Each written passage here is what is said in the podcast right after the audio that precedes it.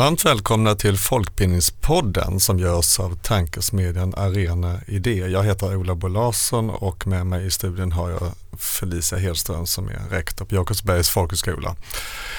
I dagens avsnitt kommer vi fortsätta ha fokus på en, den nya regeringen och på den nya budgeten som kommer alldeles strax. Vi kunde inte låta bli när vi nu besökte Folkhögskoleforum igår och eh, fånga en del röster om, om ämnet. Eh, Fast vi redan förra avsnittet då mötte Johan Fyrberg från Studieförbunden och fick höra hans tankar om Tidöavtalet och Riksrevisionsrapporter och sånt. Ja, precis. Det var, jag hade ju en lång lista med gäster där, men det är mycket som är på gång i folkbildningsvärlden så hade vi tur och Johan kunde komma och prata om sin syn på det hela.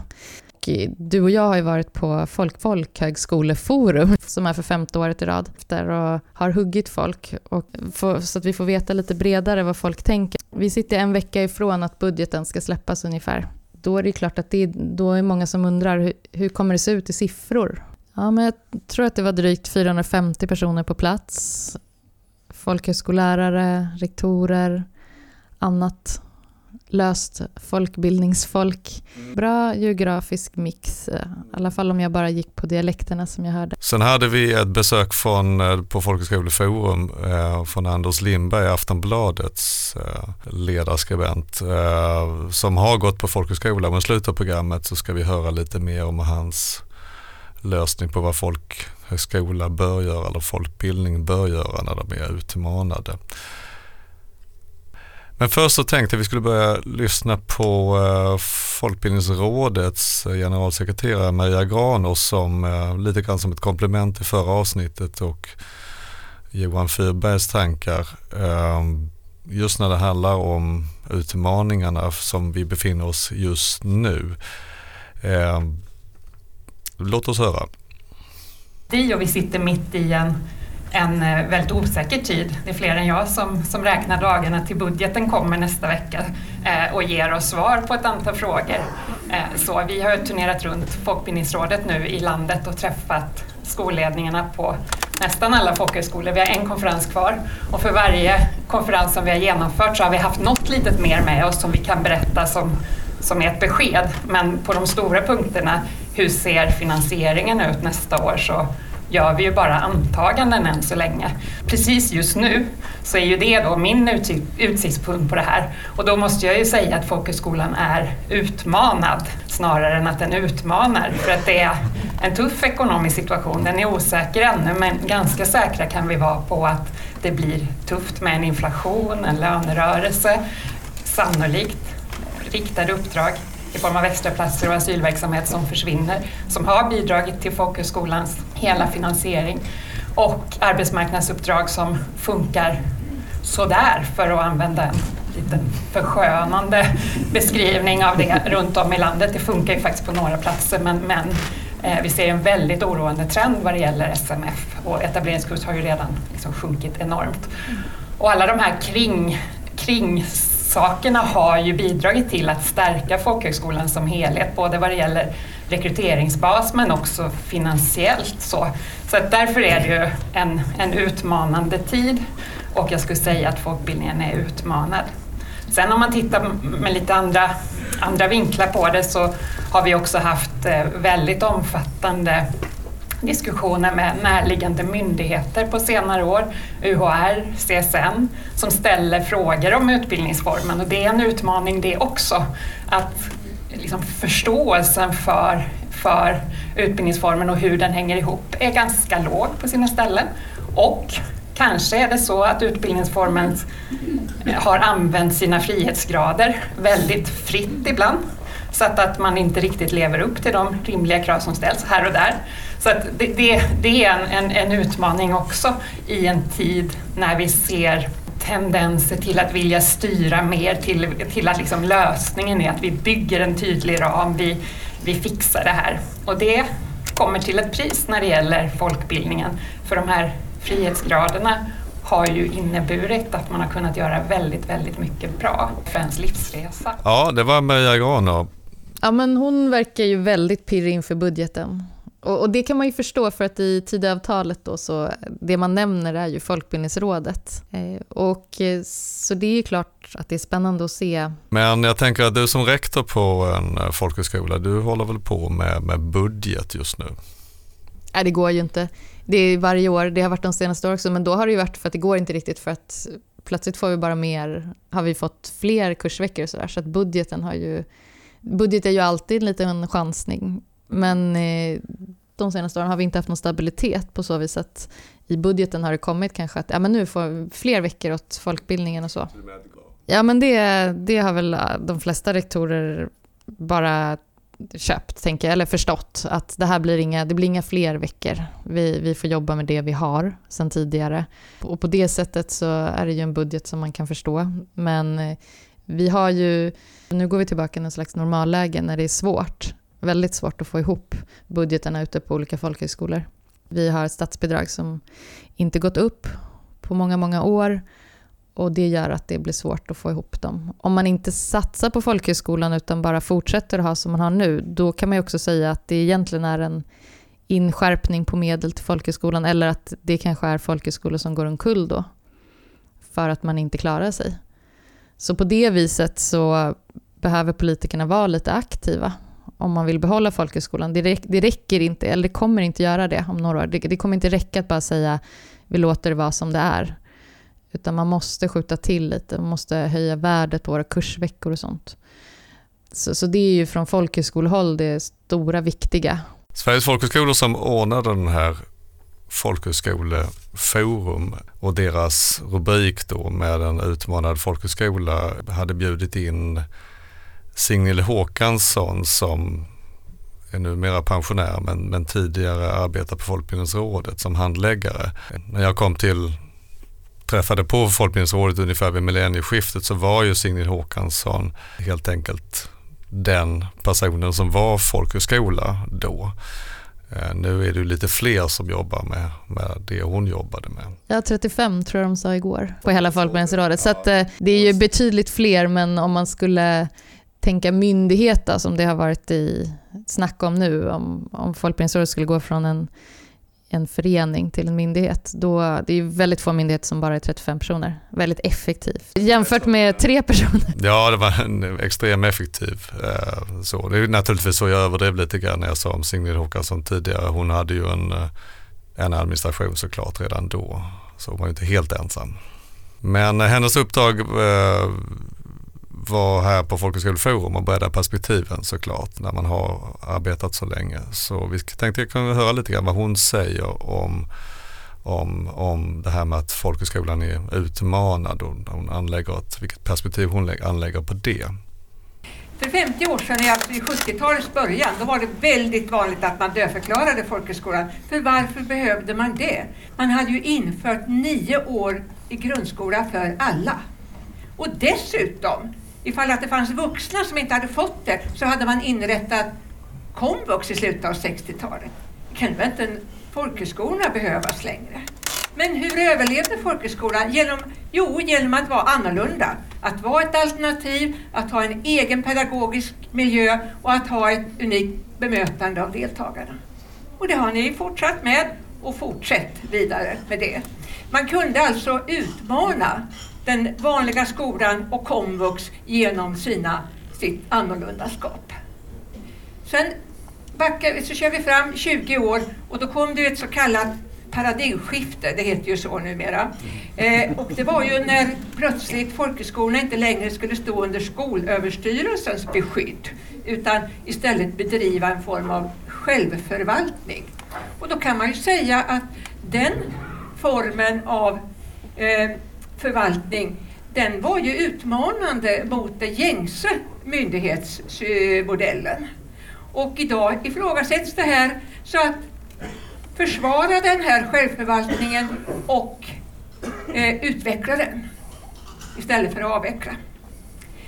Eh, men det hände också någonting i den vevan därför att redan året efter, nämligen 92, så kom eh, det som man kanske inte uppmärksammade så mycket då, men som man har förstått senare vad egentligen det kommer innebära. Och det var ju friskolereformen. friskolereformen. Och varför försvaras, hur försvarar man friskolorna idag? Jo, det är det här med valfrihet och mångfald och så vidare. Där kan folkhögskolan utmana och berätta mycket mer om att det finns ett alternativ som erbjuder en maximal valfrihet. En oerhörd mångfald av, mångfald av anordnare och en väldigt stor mångfald av inriktningar utan vinstintresse. Så var stolta över det. Var det första gången du, du äh, träffade Signe Håkansson? Ja, jag börjar, ju, jag börjar bli lite räv i folkbildningssammanhang. Kan man säga det efter tio år? Jag tror inte man kan säga det, för det är så många som har haft så många, många fler år. Men det gör att jag vet inte längre. Man träffar folk, jag var där igår, jag känner igen så många så kan jag inte placera dem. Och det känns som jag har stött på henne, men jag vet inte. Vi träffade flera personer på Folkhögskoleforum igår och vi hade egentligen ställde samma utgångsfråga om läges, en slags lägesbeskrivning utifrån att vi har en ny regering och att man inväntar budget och att man också inväntar såklart 2023 på respektive skola eller plats man befinner sig. Eh, vi ställer frågan eh, i tur och ordning till en lärare, en rektor och en före detta generalsekreterare på Rio. Och det svar de eh, gav eh, tänkte jag vi kunde höra på nu. Från eh, Folkhögskoleforum så har vi en lärare från Angered folkhögskola. Vad heter du? Jag heter Josefin Finér. Eh, jag är lärare på allmän kurs och vi har precis startat upp en ny kurs som heter Musik och samhälle. Och så jobbar jag en kurs som heter Demokrati och samhälle. Så musik och samhälle, då kombinerar vi gymnasieämnen med musik. Och sen är du också känd för att du har ett Instagramkonto. Exakt, jag har ett konto som heter Svenska med Josefin där man får följa mig och mitt liv men på lätt svenska. Så jag har ganska många följare där. Och det är från början tänkt för dina deltagare som, in, som har svenska som andra språk? Eller? Så jag använder det både för de som jag undervisar eller de som går på skolan men också för folk i hela världen som vill lära sig svenska. Mm. Är det många från andra delar av världen som vill lära sig svenska som följer dig? Eller har du koll på det? Ja, det är helt otroligt för jag hade ingen aning om det. Och jag brukar fråga, men varför vill ni lära er svenska? Jag har till exempel många följare i Iran, Brasilien, Polen, för att nämna några länder. Men det är verkligen... Vissa är det för att de verkligen drömmer om att komma till Sverige någon gång. Andra kanske har någon någon eh, släkting eller någon anknytning och andra är bara så här, nej det bara blev så. Att jag intresserade mig för det.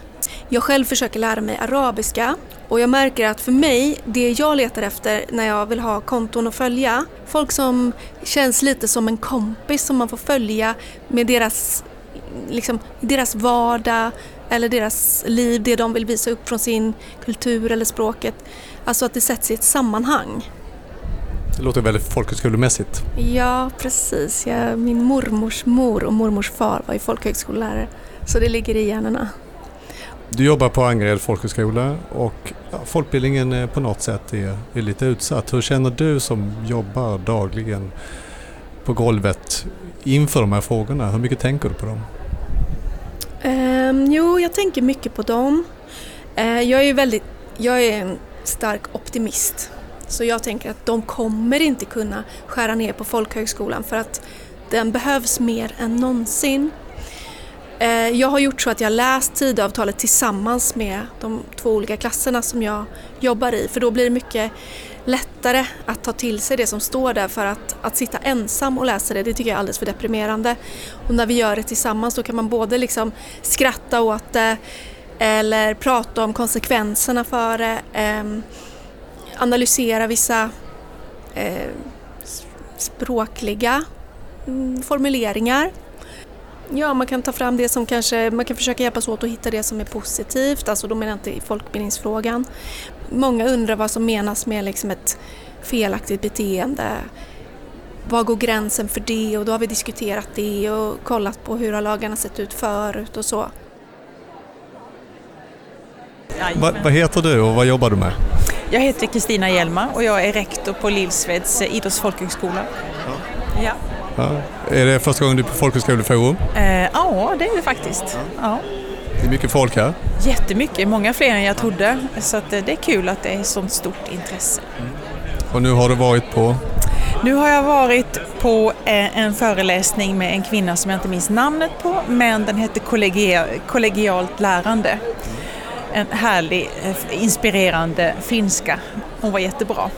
Spännande. Jag tänkte du är rektor på Lidsfells folkhögskola. Jag vet att Lidsfells folkhögskola har jättemycket lokaler och det är höga elpriser och sånt där och sen har vi händer det saker med en ny regering som kanske inte är så jättepositiva när det gäller folkbildning. Vad, vad finns i ditt huvud just nu när det gäller fram, nästa år och framtiden?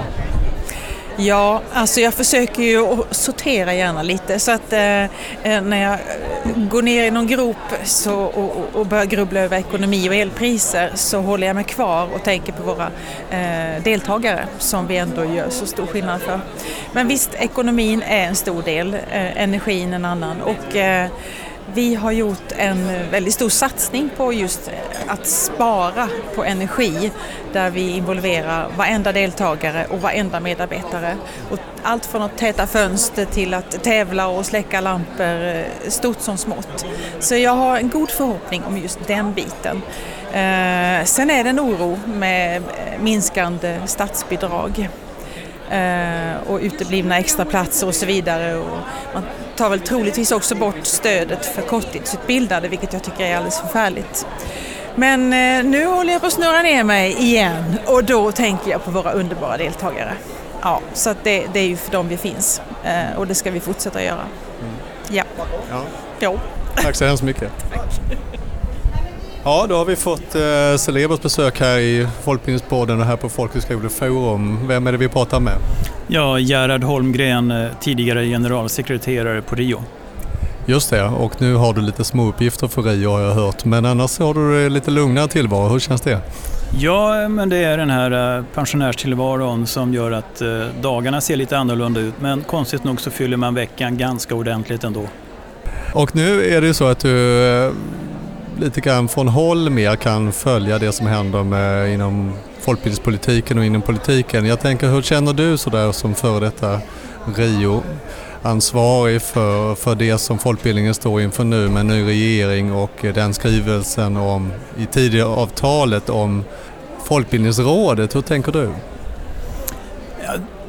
Det som man kan se ändå, det finns ju med i Tidöavtalet som eh, eh, ändå skapar ju någon form av handlingsutrymme för sittande regering. Men, men samtidigt så är ju det en utredning, så Folkbildningsutredningen som är på gång, som Christer Nylander eh, leder, som de också säger att de ska invänta. Så li, riktigt vad det här innebär är svårt att säga. Det kan möjligen komma i budgetproppen här några skrivningar eller något sådant tilläggsdirektiv till den utredningen.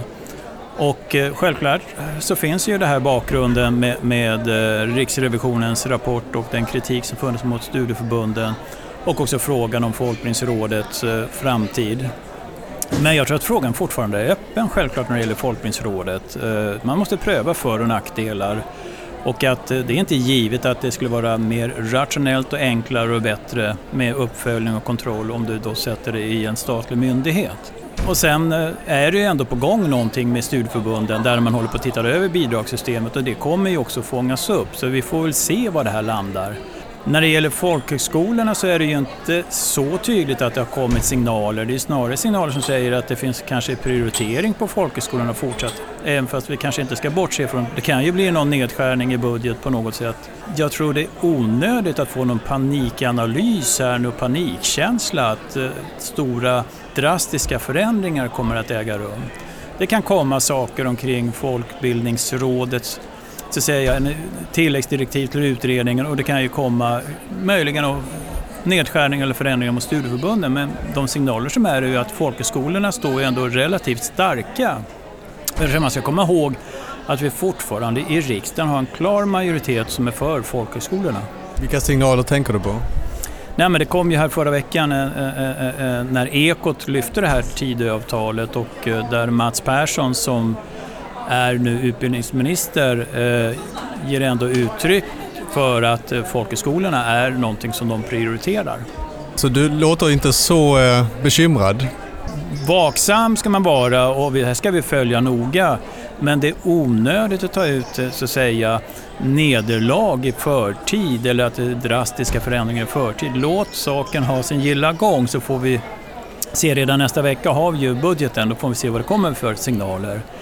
Men om jag ska fokusera på folkhögskolorna så tycker jag vi står väl rustade och det är ju en ganska stark eh, så att säga, bidragsstruktur vi har. Den är ju identifierbar. Du kan ju identifiera vilka som är deltagare.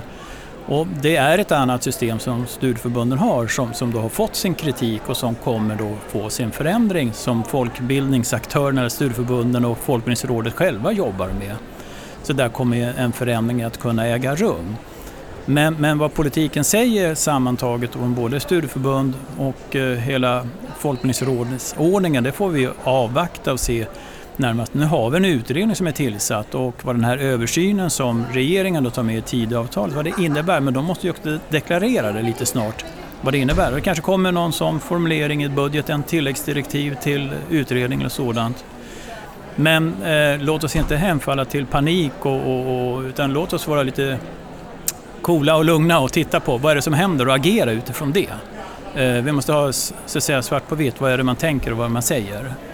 Och nu närmast är det i budgeten, men, men, men jag tror ändå att vi, vi, har ett gott läge för folkhögskolorna fortsatt. Sen kan det ändå komma en neddragning på något sätt, men, men vi ska inte ha panikanalys nu. Ja, Felicia, vad tänker du om det här, de här svaren? Jag tyckte det var lite skönt att Gerhard som är på Rio då, och för de som inte vet vad Rio är, eftersom vi försöker bemöda oss om att vara lite inkluderade i den här podden, så att inte bara gamla rävar ska hänga med. Det är ju Rörelsefolkhögskolornas intresseorganisation, han avgick väl förra året. Han, eh, jag tyckte det var lite skönt att han sa att man behöver inte vara så orolig. Folkhögskolan har ju funnits i drygt 150 år och eh, jag tycker det är bra att påminna sig om det. Att det kan komma olika slags tider och vi, vi tror ju på vår idé. Eh, lite som Johan Fyrberg pratade om. Och då, då är det inte så lätt som att man i, i, med, i och med en budget eller ett regeringsskifte kommer omkullkasta hela den eller att vi inte har verksamhet att göra. Så det tycker jag är skönt att tänka på. Eller viktigt.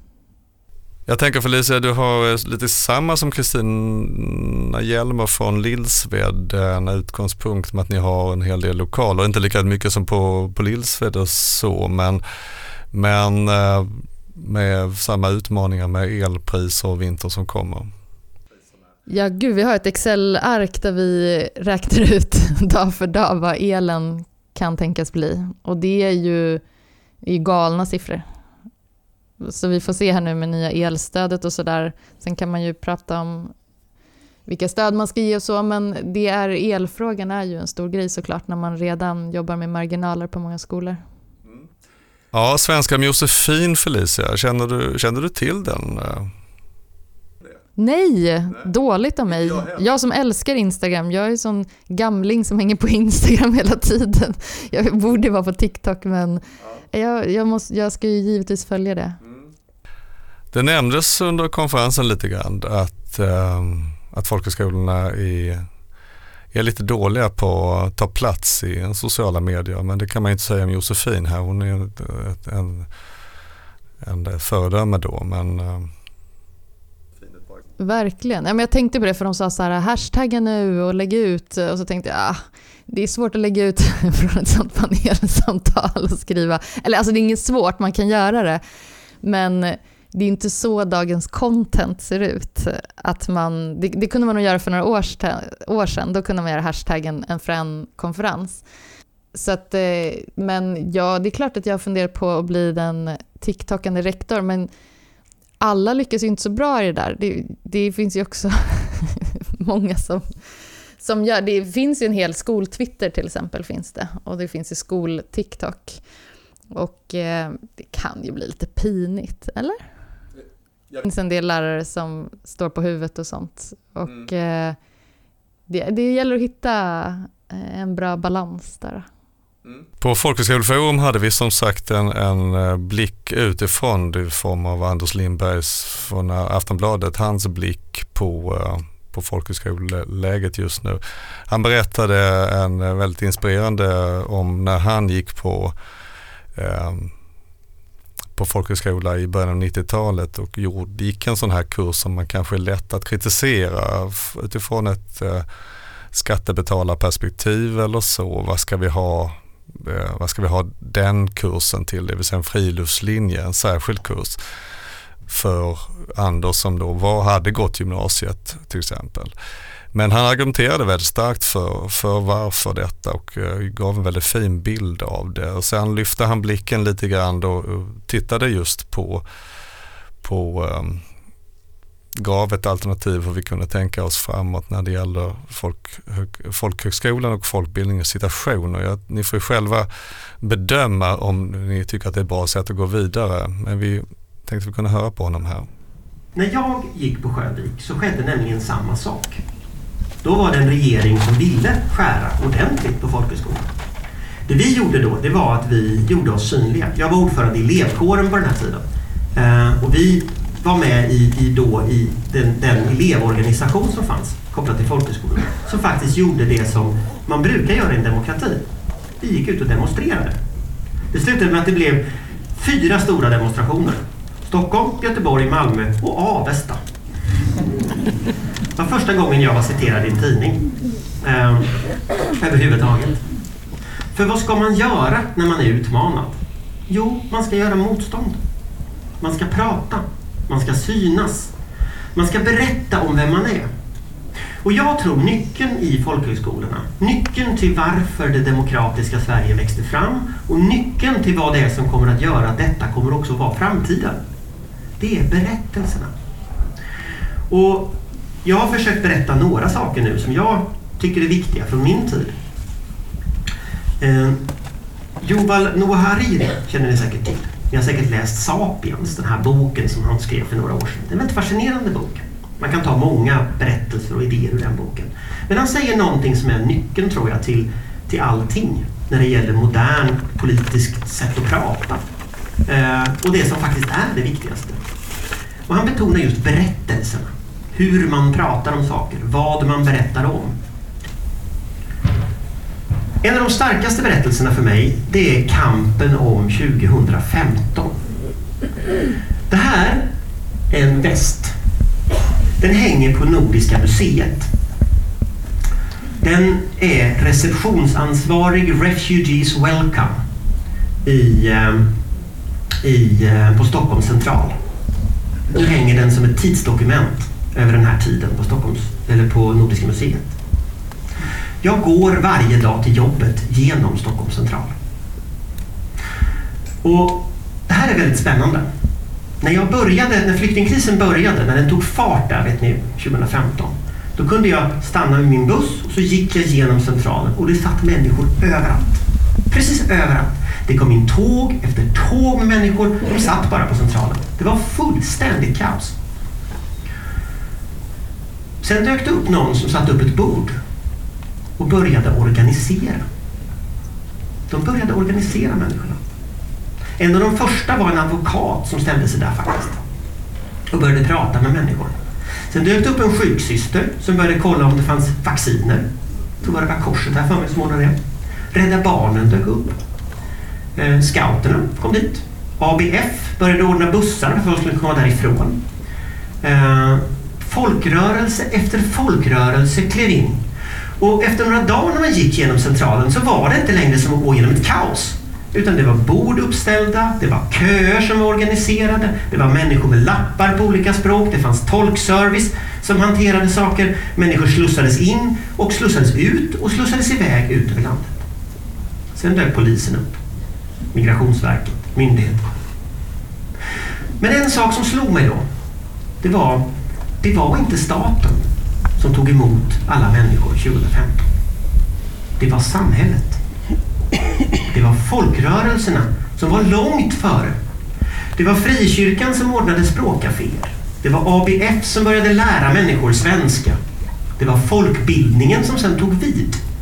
Det är era folkhögskolor idag i hög utsträckning som lär människor att integreras i vårt samhälle som lär språk, som lär kulturella koder, som ger en väg in i det svenska samhället. det är inte staten. Det är någonting mycket större och mycket bredare. Och det som slår mig med det här, för när man gick på Stockholms central efter någon månad så var ju strukturen på plats. Då fanns ju alla människorna där. Och jag tänker ibland på att en hel generation människor nu, unga människor, upplevde detta. De var med och gjorde det här. De var med och mötte människor. Eh, och då är frågan, hur ska vi beskriva detta? Idag så säger politikerna att vi ska aldrig tillbaka till 2015. För mig så var 2015 en fantastisk uppvisning av vad Sverige kan göra i en kris. Tack för idag. Vi ses snart igen när budgeten ligger och då kommer vi att diskutera den såklart, eventuellt med gäster i studion. Ha det bra. Hej då.